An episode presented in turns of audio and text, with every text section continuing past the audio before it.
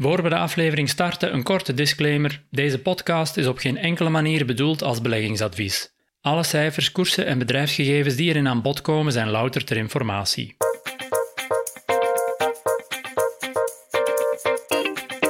Welkom bij Masterminds, een podcast van Inside Beleggen en Trends. Ik ben Jeff Woordmans. Elke aflevering spreek ik met bekende beleggers, fondsbeheerders of analisten over hun beleggingsaanpak, hun visie op de markten en over interessante aandelen en bedrijven. In deze aflevering is Frank Franke te gast. Hij is hoofdstratege bij de bank en vermogensbeheerder Edmond Rothschild. In die rol kijkt hij vooral met een macrobril naar de ontwikkelingen op de financiële markten en de economie en werkt hij met verschillende scenario's rond waar het naartoe zou kunnen gaan. Hoe zullen bijvoorbeeld de centrale banken reageren als de inflatie toch harder blijft plakken dan gedacht? En wat betekent de vete die China tegen zijn eigen techbedrijven is begonnen? Of zijn de aandelenmarkten nu al niet te ver vooruitgelopen op de economische heropleving? En uiteraard, quit COVID. Op die en andere vragen laat Frank in deze aflevering zijn strategielicht schijnen. Maar eerst neemt hij ons nog kort mee doorheen zijn loopbaan tot nu toe. Mijn loopbaan start in 92 en ik kan eigenlijk mijn loopbaan indelen in twee grote stukken. Het eerste stuk dat ik zogezegd aan de sell-side zit, dus altijd kapitaalmarkten, maar dan werkte naar klanten toe en eerder uh, diensten, producten verkocht. En alderwege ben ik naar de buy-side overgestapt en dat betekent dat ik eigenlijk zelf klant werd investeerder uh, en moest oordelen over hoe ging ik een portefeuille maken. Dus dat is een groot verschil. Dat eerste deel heb ik vooral eigenlijk door de twee delen van de kapitaalmarkten gelopen. Uh, alles wat aan rente gelinkt is en dan anderzijds alles wat aandelen gelinkt is. Het tweede stuk heb ik alles mogen implementeren.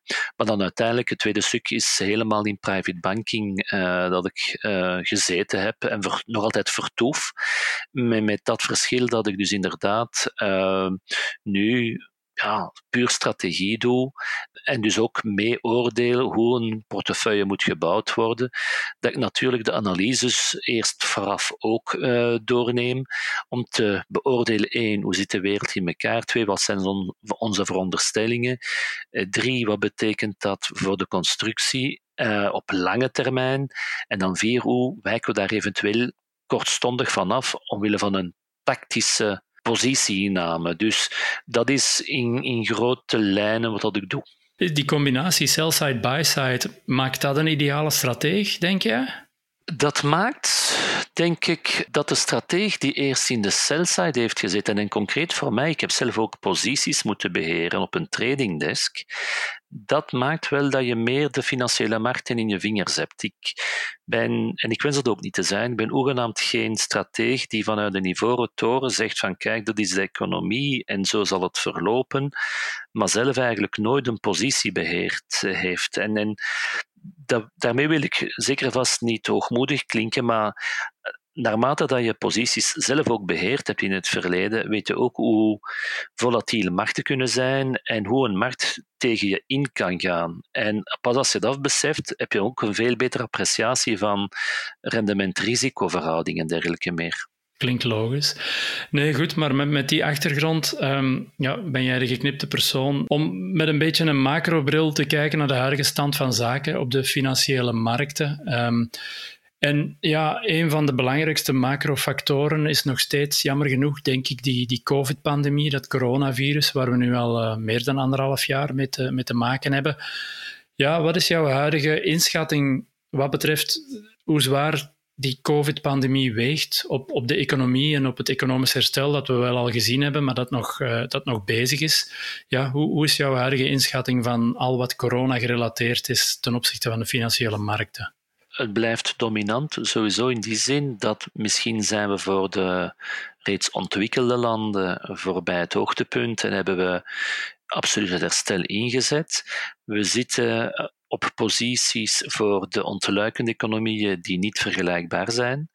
En zelfs voor de geïndustrialiseerde landen heb je af en toe een stop-and-go situatie, um, waar je bijvoorbeeld plots Nieuw-Zeeland als voorbeeld nemende, uh, terug een COVID-geval hebt en dat de economie in, in, lockdown gaat. Dus COVID zorgt ervoor dat we een stop-and-go-economie hebben, die plots heel hard terug vertraagt, dan terug hard vertrekt op verschillende plaatsen in de wereld. Dat heeft heel veel consequenties. De consequentie is natuurlijk dat, uh, maar daar komen we waarschijnlijk straks nog op terug, het, het monetaire luik langere tijd dan verwacht zeer soepel uh, is. Dat er fiscale stimulus is gekomen, waar dat men nu nog altijd van zegt van kijk, uh, houden of niet houden. Sommigen zeggen van het is genoeg geweest. Tuurlijk, COVID is uh, zeer bepalend geweest tot op heden van, wat betreft de twee laatste jaren voor de economie, zeer zeker. En waar let jij op? Want het is een nieuwe factor waar elke analist en strateeg zich heeft aan moeten aanpassen en, en ja, elementen heeft moeten zoeken om, om daar uh, vat op te krijgen. Ja, waar kijk jij vooral naar om specifiek het COVID-luikje, ja, om daar een goed zicht op te krijgen? Gespecialiseerde pers, uh, ik noem maar wat Bloomberg en dergelijke meer, houden dat eigenlijk zeer nauw in de gaten. Hè. En je kan dus inderdaad gewoon opvolgen, uh, zelfs als je gewoon gaat googlen wat dag per dag gebeurt met betrekking tot COVID in verschillende landen. En heel snel zie je, oké, het neemt terug toe of het neemt terug af. Dus je hoeft echt niet zo ver te gaan zoeken om een indruk te krijgen hoe dat de evolutie is. Ik word eigenlijk zelf ja, oversteld met grafieken uh, op het globale vlak van wat dat COVID-cijfers zijn. Dus het is vrij eenduidig. Alleen de interpretatie waar, op welk moment en vooral hoe dat een overheid daarop zal reageren, kan zeer verschillend zijn. Hè? Dus uh, China heeft bijvoorbeeld uh, zijn derde grootste haven, maar gesloten omdat men eigenlijk één uh, persoon met COVID had ontdekt. En dus sommige landen zullen daar veel soepeler in zijn. En dus COVID op zichzelf is één feit, maar dan wat gaat de reactie zijn van de instanties op dat moment? En dat is ook nog eens anders per land zoals je zegt, het, het, het weegt zwaar op, op de, de economie en op de markten. Nu, als je kijkt naar de, de huidige fase van de cyclus waarin we zitten, en, en ja, er is een, op, een heropleving gaande, een, een, een relance. In welke fase daarvan zitten we volgens jou? Sommigen zeggen die loopt op zijn laatste benen, anderen zeggen we hebben nog wel een eindje te gaan. Ja, hoe kijk jij er tegenaan? Zeer moeilijk in te schatten, um, omdat het precies een stop-and-go situatie is. We hebben wereldwijd problemen met supply chains, dus toeleveringskanalen. Het beste voorbeeld was natuurlijk blokkage van het uh, Suezkanaal met dat schip, maar vandaag de dag gewoon ook consumenten die een nieuwe fiets willen bestellen, worden geconfronteerd met lange wachttijden. En dat heeft te maken met het feit dat uh, afhankelijk van waar het zich voordoet, maar regelmatig dus inderdaad uh, na de globalisering die we gehad hebben en dat heel de wereld afhankelijk is van de rest van de wereld, regelmatig er een kink in de kabel komt. En dat betekent dat sommige landen tijdelijk dus inderdaad terug op slot gaan, waardoor dat ze niet kunnen leveren, waardoor dat geïndustrialiseerde landen op dit moment bijvoorbeeld bij ons ook tekorten riskeren. En wanneer dat die vraag dan tijdelijk niet kan voldaan worden, wanneer dat, dat dan wel verholpen wordt, komt die vraag dan terug. Dus dat is ook zeer typisch. De eerste golf van COVID, dan gaan we allemaal uh, naar huis, blijven we thuis. Maar als we dan terug een en ander mochten doen, zie je die vraag heel hard erop leven. En zo krijg je eigenlijk dat in een harmonica-beweging doorheen de wereld, waardoor dat eigenlijk de economische cyclus heel moeilijk in te schatten is van waar zitten we nu precies. Ik denk dat we nog uh, een tijdje kunnen uh, verder gaan, omdat ook, en dat is een element dat misschien een beetje als een rode draad door, door mijn economisch denken op dit moment loopt, dat is de regionalisering, of in het Engels de reshoring van productielijnen, omdat heel veel grote bedrijven, maar zelfs tot de kleinere bedrijven, ondervonden hebben dat ja, COVID ervoor gezorgd heeft dat hun uh, zwakke plekken werd blootgelegd. En, en dat zij plots niet meer kunnen leveren, of dat zij bepaalde uh, stukken niet meer kunnen krijgen dat ze nodig hebben in het productieproces voor wagens of voor alles en nog wat. En dus er is echt een drang om één, te zorgen dat je kan blijven produceren. Twee, dat je niet meer dezelfde mate afhankelijk bent van toelevering vanuit een ver continent. Dus het terug naar huis brengen van productie, het terug naar huis brengen van zekerheid van levering, uh, staat nu eigenlijk heel hoog aangeschreven. En dat op zichzelf gaat heel veel investering ook met zich meebrengen. Want je kan niet van vandaag op morgen zorgen uh, dat alles loopt in je thuisland zoals je dat eigenlijk hebt verwacht. Er zijn ook kosten mee gemoeid natuurlijk, hè, omdat de eerste reden van globalisering was dat in het buitenland men goedkoper kon gaan produceren. De lonen in China waren ooit veel lager, nu zijn die al flink gestegen, maar misschien nog altijd competitief met ons. Voor andere landen zijn daar betere voorwaarden, maar het verschil is een stuk kleiner geworden. En aan de andere kant heb je automatisering en robotisering, die, dat is technologie, ook steeds goedkoper wordt.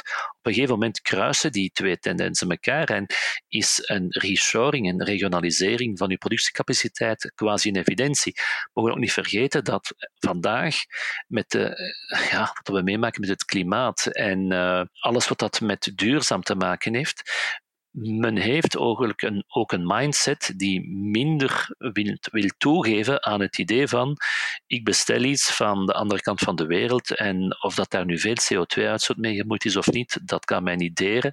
Nee, nee, dat ook bevordert het feit dat men lokaal gaat consumeren, lokaal gaat bestellen.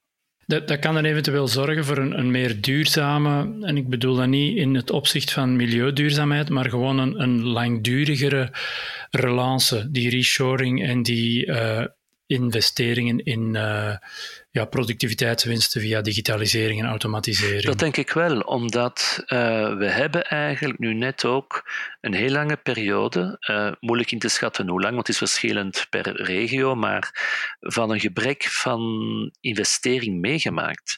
In de Verenigde Staten, uh, de periode Trump, was zeer duidelijk dat de nadruk lag op het blijvend inkopen van eigen aandelen met de free cashflow, de vrije kasstromen, om uh, de aandeelhouder te belonen. En er werd eigenlijk, desondanks de zeer lage rente, niet zo hard eh, geïnvesteerd in toekomstige productiecapaciteit of gewoon meer performante productiecapaciteit. Dit is aan het, duidelijk aan het wijzigen. Die, die, hier komt een verandering in, met die reshoring ook. En dat kan wel eens inderdaad de, de, de cyclus echt gaan verlengen. Ja, en die harmonica die, waar je daarnet naar verwees, uh, het lijkt alsof dat die ook nog um, over verschillende delen van de wereld in een, in een ander stadium zit, die harmonica. Dus dat je veel geografische verschillen hebt wat betreft um, de cyclus waarin verschillende machtsblokken wereldwijd zitten en, en uh, hoe ver dat ze in hun opleving staan. Klopt dat? Lopen bijvoorbeeld China en de VS een beetje voorop op Europa en, en de opkomende markten? Voor China was dat zeer zeker het geval, omdat zij het eerste uh, in de COVID-crisis zijn gedoken, maar ook het eerste eruit zijn gekomen naar zeer stringente maatregelen. En dus China was zeker, zeker en vast bij de, de vroegere uh, leiderskwestie van economische groei. Alleen is daar nu ondertussen uh, de economische politiek gelinkt aan beslissingen van de Communistische Partij over een ander boeg gegooid. Dus dat leidt tot een vertraging. Niet alleen dat, maar toch een voor een groot stuk. En daaraan gekoppeld ook voor een belangrijk deel de satellieten. Dus men heeft het uh, blok ASEAN, dat betekent Vietnam, Indonesië, Zuidoost-Aziatische staten, Thailand daarbij dergelijke meer, die zeer sterke toeleverancier zijn van China. Dus die volgen eigenlijk ook meteen de economische cyclus van China op hun beurt. Uh, ook zien natuurlijk van wat een economie in grote mate afhankelijk is. Is het een grondstofgeleide economie? kan kijken ook naar Australië, die enorm veel grondstoffen uitvoert naar China. Als China nu zeer duidelijk meer de nadruk gaat leggen op een duurzame economie en dus ontwikkelen van alternatieve energiebronnen, uh, misschien gaat daar bepaalde grondstoffen minder nodig zijn. Let op, dat is iets langere termijn misschien, maar er zijn zeker vast verschuivingen. Um, desondanks het feit dat, oké, als we naar een duurzame economie willen gaan, met bijvoorbeeld zonnepanelen en, en, windmolens, ook die worden uit staal en uit grondstoffen gemaakt. Maar achteraf, en dat kan je nu bijvoorbeeld bij energie zien, uh, wordt er eigenlijk al heel hard ingespeeld op wat benoemd peak demand, de piekvraag ten opzichte van bepaalde grondstoffen. Dus dat voor de landen die grondstofgevoelig zijn, speelt sowieso een rol. Dus inderdaad, misschien een beetje ook samenvatten in die zin dat omwille ook van COVID, dat je een veel kleiner, lees quasi geen groeiverschil meer hebt tussen ontwikkelde en ontwikkelingslanden. Vroeger, typisch, zou je iets in emerging markets van een 6% groei gezien hebben en de rest van de wereld, de ontwikkelde landen, rond een 2 à 3.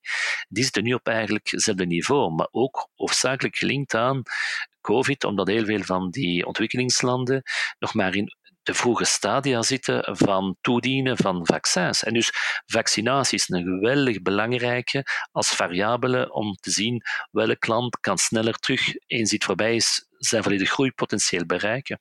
Ja, en dan eh, refererend aan China, dan ben je een beetje met de geopolitieke bril aan, aan het kijken naar de effecten op de financiële markten. Ja, je, je vermeldde net die, die zogenaamde crackdown op de internetbedrijven en de, de herverdelingspolitiek van president Xi. Um, ik vraag me af, en dat is dan ook wel iets meer op de langere termijn kijkend, maar moet de rest van de wereld niet minder afhankelijk worden van China als groeimotor en, en dat land eigenlijk gewoon laten doen en zichzelf laten ontwikkelen, meer focussen op binnenlandse consumptie. Gaan we die richting op? We gaan meer die richting uit. Dat is duidelijk. Hè. Wat we hebben gezien ook met betrekking tot COVID. Bijvoorbeeld productie van paracetamol, basisgrondstof, dat, dat zit voor 80% in China. En wil je zo afhankelijk zijn voor belangrijke delen uh, van medische grondstoffen van een bepaald land? Het antwoord daarop is nee. Hetzelfde was eigenlijk met betrekking tot de mondmaskers. Bestellingen die uit China kwamen, die achteraf bleken niet goed te zijn, uh, volgens de normen en dergelijke meer.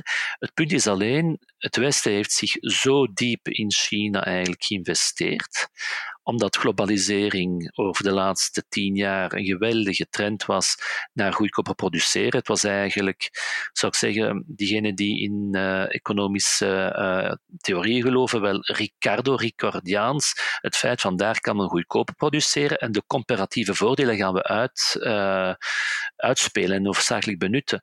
Alleen lijkt daar nu een einde aan te komen, omdat men gewoon te veel afhankelijk wordt van een aantal regio's. En dat dus inderdaad ook zeer duidelijk is gebleken dat China economie en geopolitiek continu vermengt. Veel mensen zijn het misschien al vergeten omwille van COVID, maar in de periode voor COVID was er heel veel te doen rond de zogenaamde handelsoorlogen tussen de VS en China.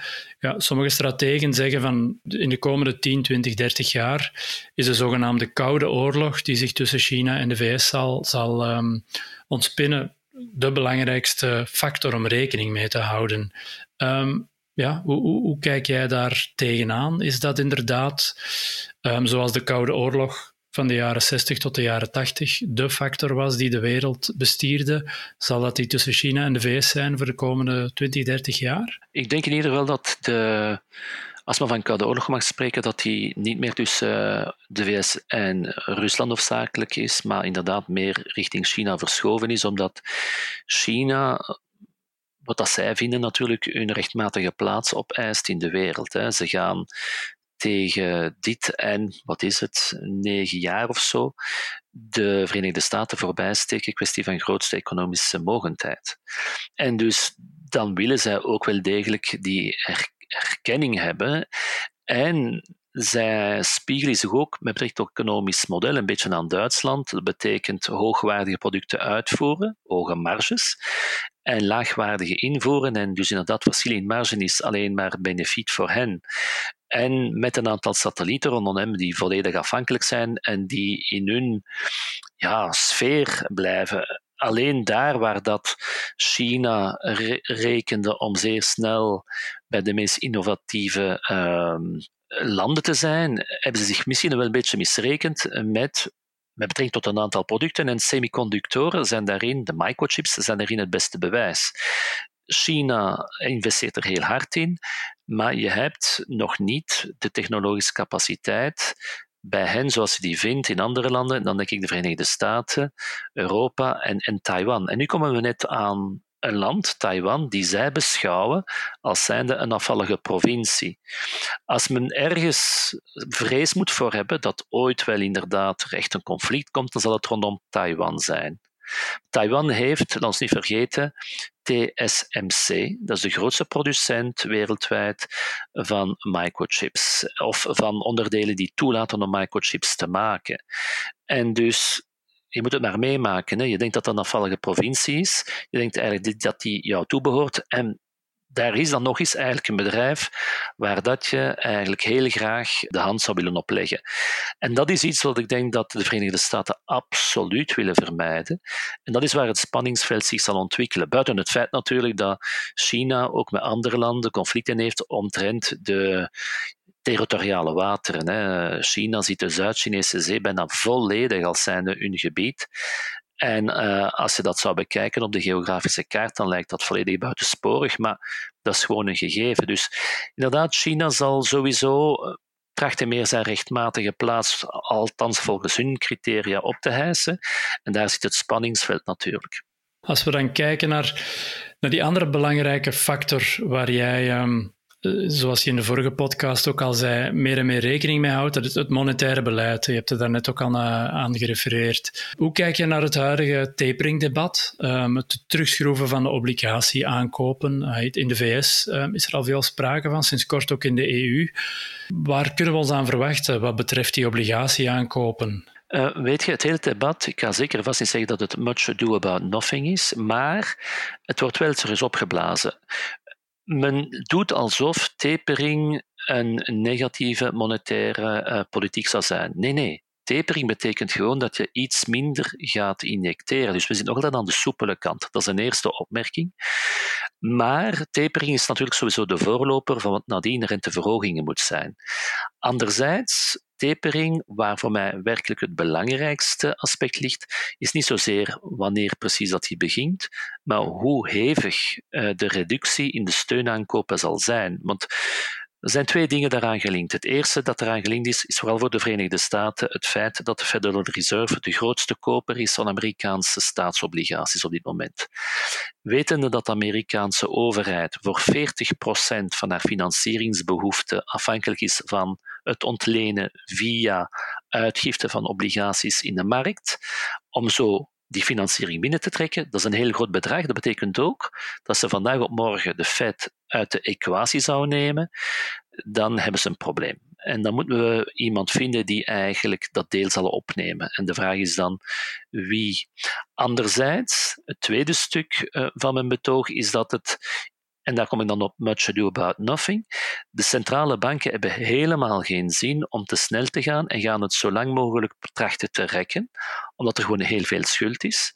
En omdat uh, om die schuld eigenlijk weg te werken, je maar een aantal mogelijkheden hebt en inflatie is er daar één van. Het is echt niet toevallig dat de Fed, maar ook de ECB, plots een paar maanden, kwartalen, misschien een jaar al geleden heeft gezegd van kijk, wij houden meer rekening met dat ze noemen average inflation uh, targeting. En dus men gaat een gemiddelde inflatie voor het oog houden. En dat betekent dat men zegt, oké, nu zitten we misschien wel boven de 2%, dat ons uh, doel is, maar we hebben zoveel jaren onder de 2% gezeten. Dus als we nu een paar jaar erboven zitten, wat is het probleem? Het is zeer handig natuurlijk om inflatie tijdelijk te laten oplopen, omdat het ook de terugbetaling van de toekomstige schuld erodeert. En dus de schuldenaar is daar heel goed mee, de spaarder is de klos. En dus het gaat erover van hoe kan ik me daar tegenover beschermen. Dat is een ander heel belangrijk uh, uh, variabele in het gegeven van beleggen en investeren. Maar voor de monetaire politiek zit er eigenlijk een beetje een pervers kantje aan dat men heel goed weet vanuit de centrale banken dat men liefst niet te snel moet gaan als men de overheden hoort, want zij vinden het natuurlijk bijzonder leuk dat de rente één zeer laag is en twee dat de inflatie hun toekomstige terugbetalingsverplichtingen al sowieso aan het eroderen is.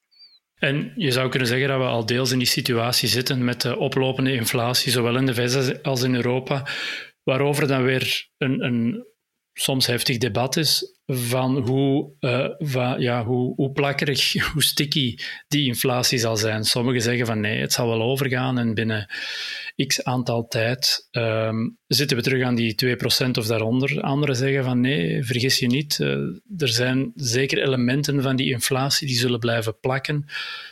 Ja, uh, wat moeten we daarvan denken? Dat is inderdaad misschien op dit moment uh, het belangrijkste uh, gegeven in de markten en het wordt eigenlijk belichaamd door het woord transitory, transitoir. Transitory wordt volgens mij het woord van 2021 op economisch vlak. En het is ook een woord dat opnieuw waar je alle kanten mee uit kan. Ten eerste, niemand van de centrale bankiers definieert transitoir. Betekent dat transitoir omwille van het feit dat dat maar drie, zes twaalf maanden duurt? Betekent dat transitoir omdat we inderdaad nu al voorbij de piek zijn en gaan afnemen?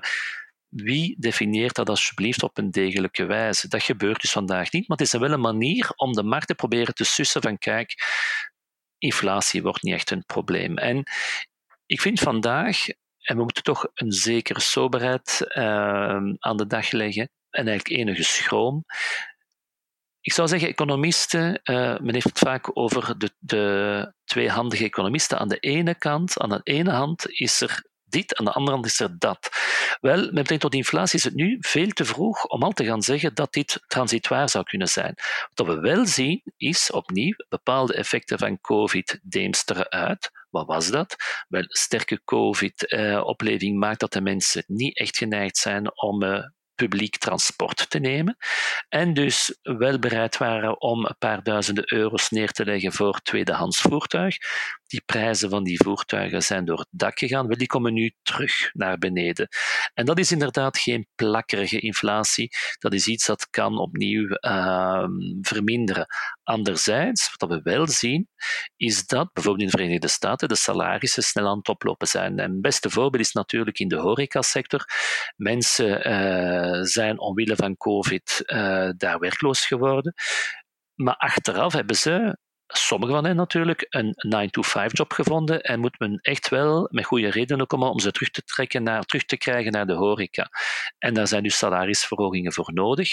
En zolang trouwens COVID enigszins een probleem blijft, gaan er misschien heel veel zijn die denken van, kan nog even wachten. Dus er is stijging van salarissen, maar ook breder dan enkel de horeca.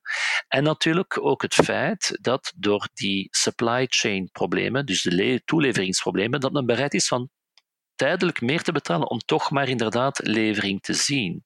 Dus denk dat de omgeving meer dragend is voor wat meer inflatie. Anderzijds, opnieuw in de Verenigde Staten, zien we dat de huizenprijzen door het dak gaan en dat huurprijzen beginnen te volgen. Nu, belangrijk om te weten in de inflatiecijfers voor ontwikkelde landen, geïndustrialiseerde landen, is het is de looncomponent, maar ook bijvoorbeeld in de Verenigde Staten de huurcomponent, die 30% van de inflatie uitmaakt, zeer belangrijk. Maar die komen met een vertraging in die inflatiecijfers terecht. En die zullen zich nog moeten laten gevoelen. Maar vandaar ook dat het eigenlijk voor mij veel te vroeg is om te zeggen het is transitoir. Daar ligt trouwens ook, by the way, het gevaar naar de toekomst toe. De markten, als je gaat kijken naar bepaalde indicatoren die dat prijzen, prijzen voor de toekomst geen inflatie in die problematisch is. Integendeel, inderdaad, inflatie terug, terug een beetje afkomt. Wel, daar ligt het risico. Als dat plots zou blijken van niet juist te zijn, dan krijgt men wat men noemt een paradigm shift, een grote sprong in visie op de werkelijkheid. En dan moet men bepaalde variabelen anders gaan prijzen. Lees bijvoorbeeld obligatierendementen die nu ongelooflijk laag zijn.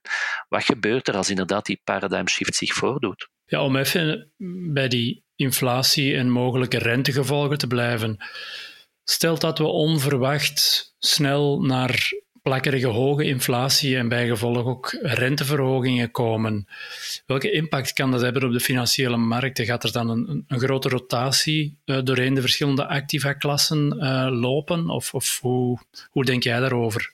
Dan denk ik toch dat inderdaad activa die men noemt eh, met een lange duratie, long duration, dat betekent dat veel van de toekomstige cashflows die het instrument u zou geven, dat die ver in de toekomst liggen, dat die instrumenten getroffen gaan worden. Want wat er dan gebeurt is, als die inflatie dan toch de kop opsteekt, dan is de waarde van die toekomstige ver afgelegen cashflows sowieso geraakt, wordt dat minder waard. En dus dat zijn de instrumenten die de pineut zullen zijn dan op dat vlak. Omdat zeer snel gaat men dan zeggen, oké, maar obligaties bijvoorbeeld, lange termijn obligaties, dat is typisch zo'n voorbeeld. De coupons eh, ziet men over 20, 30 jaar. Het kapitaal misschien ook pas op die looptijd, afhankelijk van wat soort obligatie dat men spreekt. Maar wat is dat, eh, dat geld op dat moment dan nog waard? En dus dan moet men, om zich daaraan aan te passen, die goedkoper gaan prijzen omwille van dat risico. Dat betekent stijgende obligatierendementen op het lange eind van de curve. En als je dan ziet dat er stijgende obligatierendementen zouden zijn, wel, obligatierendementen worden gebruikt in wat men noemt DCF-waarderingsformules. Dat betekent voor aandelen, bedrijven die ook cashflows op lange termijn krijgen, wel, die cashflow binnen 10 jaar, wat is die vandaag waard? Dat moet je verdisconteren. Als je die verdisconteert met een half procent of met 2 procent, dat is een wereld van verschil. En dus long duration, lange, uh, verre cashflows en instrumenten die daaraan voldoen, gaan absoluut zeer moeilijke tijden tegemoet als dat zich voordoet. Dus binnen de obligatiespace zijn dat die langdurige obligaties en binnen aandelen, dan spreek je eigenlijk grosso modo over de groeiaandelen. De jonge groeibedrijven. Ja, de aandelen, let op, je hebt groeibedrijven die ook nu al recurrent flinke cashflows genereren en die gewoon die cashflows uh, elk jaar zien aangroeien. Daar, daar zie ik niet zo meteen een probleem, maar alles wat dat misschien vandaag een patent ontwikkelt om binnen tien jaar zogezegd een fantastisch bedrijf te worden, maar met verre cashflows, ik denk dat die een herprijzing tegemoet gaan gaan. Omdat, ja, wat zijn die cashflows vandaag dan nog waard als morgen eventueel de rente waaraan dat ze verdisconteerd moeten worden, het dubbele is of het drievoudige daarvan. En dan heb je inderdaad wel wat technologie, technologie of biotechbedrijven die klappen riskeren te krijgen. Ja, en dat is dan wat betreft de, de mogelijke gevolgen en impact van het, het monetaire beleid op de activa-klassen en hoe die de komende maanden, jaren zullen presteren. Als we dan even terugschakelen naar ehm, de economische cyclus waar we nu in zitten en welke kant het daarmee uit kan gaan. Um, stel dat we nu in een heropleving zitten, maar we gaan richting een groeivertraging ga je dan een soort rotatie krijgen uh, tussen activa-klassen of binnen bepaalde activa-klassen van de ene aandelensector naar de andere? Wat zijn daar ja, relevante ontwikkelingen om in de gaten te houden? Je hebt nu al een beetje groeivertraging, want dus de vertraging doet zich voor, zeer simpel, omdat we een zo sterke heropleving hebben gehad in het Westen eh, na die eerste, zelf tweede grote coronagolf, dat je iets minder productiegroei zult hebben. En dat vertaalt zich ook in iets lagere winstgroei voor aandelen. Dus die, als die groei vertraagt, typisch wat je dan hebt, zolang dat de rente ondertussen niet beweegt, laat ons daar toch over duidelijk zijn, dan blijven aandelen die toch wel groei kunnen tonen, attractief. Dus dan gaat eventueel de Nasdaq en technologie het relatief nog goed doen. Dan gaan eventueel de aandelen die echt veel meer cyclisch zijn, misschien een stapje terug moeten zetten. En vandaag zie je dat als je over de laatste twaalf maanden terug gaat kijken, is er ook een on-off beweging tussen enerzijds value en growth. Dus een ja, switch-on, switch-off beweging tussen wanneer je in de ene dan wel in de andere sector moet zitten. Men heeft een belangrijk deel van de investeerders die denken, ja, die langtermijnrente die moet omhoog. En als die omhoog zal gaan, zijn financiële bedrijven, banken daar absoluut uh, partijen die daarvan zullen profiteren, maar dan ten koste van bijvoorbeeld technologie. En hebt anderen die zeggen, nee, die rente gaat nooit niet omhoog. De banken, centrale banken verhinderen dat en we geloven het woordje transitoir. Dus uh, dat is uh, het partijtje armworstelen dat nog altijd gaande is. Ja, ja, ik heb redelijk wat analistenrapporten gelezen de laatste weken. En er zijn er toch een groot aantal die, die verwachten dat de, de value trade, of de zogenaamde reflation trade, dat die in de herfst eventueel terug zou oppikken. Ik weet niet, heb jij, heb jij daar een idee van? Of, of durf jij er iets op zeggen? Of, of is het een lastige om momenteel in te schatten? Het is een beetje koffiedik kijken, want ik verwacht tegen de herfst dat dan toch de Fed begonnen is met zijn tapering, met het verminderen van zijn steunaankopen. En dan wordt best wel een, een gevoelig moment. Hoe hard gaan de markten daarop reageren? Veel zal afhankelijk zijn opnieuw, zoals ik heb laten blijken, hoe hard dat de Federal Reserve eh, wenst te gaan verminderen. Ik vermoed dat ze dat heel geleidelijk gaan doen, om de markten eigenlijk eh, niet te veel op te schudden. Maar het blijft een belangrijke test. Eh, en als dan blijkt bijvoorbeeld, want we gaan goed moeten kijken hoe dat de aanbestedingen op de Amerikaanse overheidsobligatiemarkt zullen passeren. Als men daar bijvoorbeeld af en toe, en dat heeft zich al voorgedaan, plots ziet dat er eigenlijk ja, echt een flauwe interesse is uh, tot aankoop en de Fed vermindert tegelijkertijd haar steun aan kopen, dan kan plots wel eens wat paniek uh, ontstaan. Hè, van wie gaat uiteindelijk al dat papier opkopen? En dan is dat gewoon vraag-aanbod. Als de vraag het aanbod niet volgt, wel, dan moet eigenlijk het onderliggend goedkoper worden om de vraag te stimuleren. Goedkoper worden de staatsobligaties betekent gewoon hoger rendement. Ik denk dat daar op dat vlak de herfst een interessante periode kan worden. Ja, want ik heb jou net gevraagd om, om, om een beetje de, de toekomst te voorspellen, wat uiteraard heel, heel moeilijk is. Maar ja, ik vermoed dat jij met bepaalde scenario's werkt of, of, of daarmee, daarmee verschuift. Ja, welke andere scenario's heb jij nu momenteel nog um, eh, ja, voor de geest? En, en, en zonder te zeggen van het zal absoluut dat of dat worden, maar ja, waar houd je nog rekening mee om, om, om op tijd jouw inschattingen bij te sturen? Wel, laat het mij toch beginnen met te zeggen dat we uh, year to date, van het begin van dit jaar tot op heden, met 20% performance zitten return op Amerika en niet verder vandaan op Europa. Het zou vrij naïef zijn om te hopen dat dat gewoon eigenlijk aan dit tempo verder kan gaan. We hebben natuurlijk een zeer sterke ondersteuning gehad van stijgende winsten voor de bedrijven. Dat heeft absoluut ondersteund. Als we trouwens gaan kijken, de bouwstenen tot de totale performance van de aandelen dit jaar, dan komt het grootste stuk inderdaad uit de stijging van de winst. En niet zozeer aan het, op, uh, het oplopen van de koerswinst. Die is ook opgelopen, maar het is vooral aan de stijging te wijten van de winsten. Als die nu wat gaat afnemen, ja, oké, wat, wat gebeurt er dan? En dus ik denk, als we in scenario praten, ik denk dus inderdaad dat de centrale banken voorzichtig zullen zijn, maar dat die vraag quid uh, opname van papier toch sowieso komt. Een ander punt is natuurlijk dat inflatie, uh, zoals ik zei, voor mij uh, te gemakkelijk is om over transitwaar te spreken. Ik kan niet zeggen dat ik volledig in het kamp zit van diegenen die zeggen van nee, nee, nee, het wordt hoog oplopende inflatie, dit is nog te vroeg daarvoor. Maar het risico, als ik dan zie, en dat is als strategie dat je continu moet doen, is wat is de overtuiging vandaag in de markt. En dan ga ik kijken naar hoe dat bepaalde zaken geprijsd zijn. Je hebt inflatieswaps, een beetje moeilijk om uit te leggen, maar het geeft eigenlijk weer wat men verwacht voor de volgende vijf jaar, wat dat de inflatie zal zijn. Dat lijkt mij eigenlijk gewoon te laag of men is daar iets te gerust in dat inflatie terug naar beneden komt. In de VS 5% vandaag, terugkomende naar 2,5%, I don't know. Um, en dus dan denk ik, als inderdaad inflatie iets hoger blijft dan wat die markten verwachten, ja, dan, dan moet je toch oppassen. En dan moet je eigenlijk uh, naar, wat ik zou zeggen, uh, real assets gaan, reële activa, die inflatiebestendig zijn. En dat zijn dingen die eventueel bedrijven, om maar te zeggen, die prijs, pricing power hebben, die kracht hebben om hun prijzen aan te passen. Of bedrijven die gewoon meelopen met inflatie, die bepaalde contracten hebben.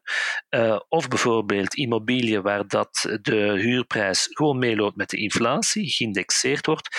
Dingen die inflatiebestendig zijn. En ik denk dat dat naar de toekomst iets meer in de portefeuille mag. Ook bijvoorbeeld bedrijven die vooral hun dividenden zien groeien. Niet gewoon bedrijven die hoge dividenden per se betalen, maar die in staat zullen zijn om hun dividend te laten meegroeien met de inflatie.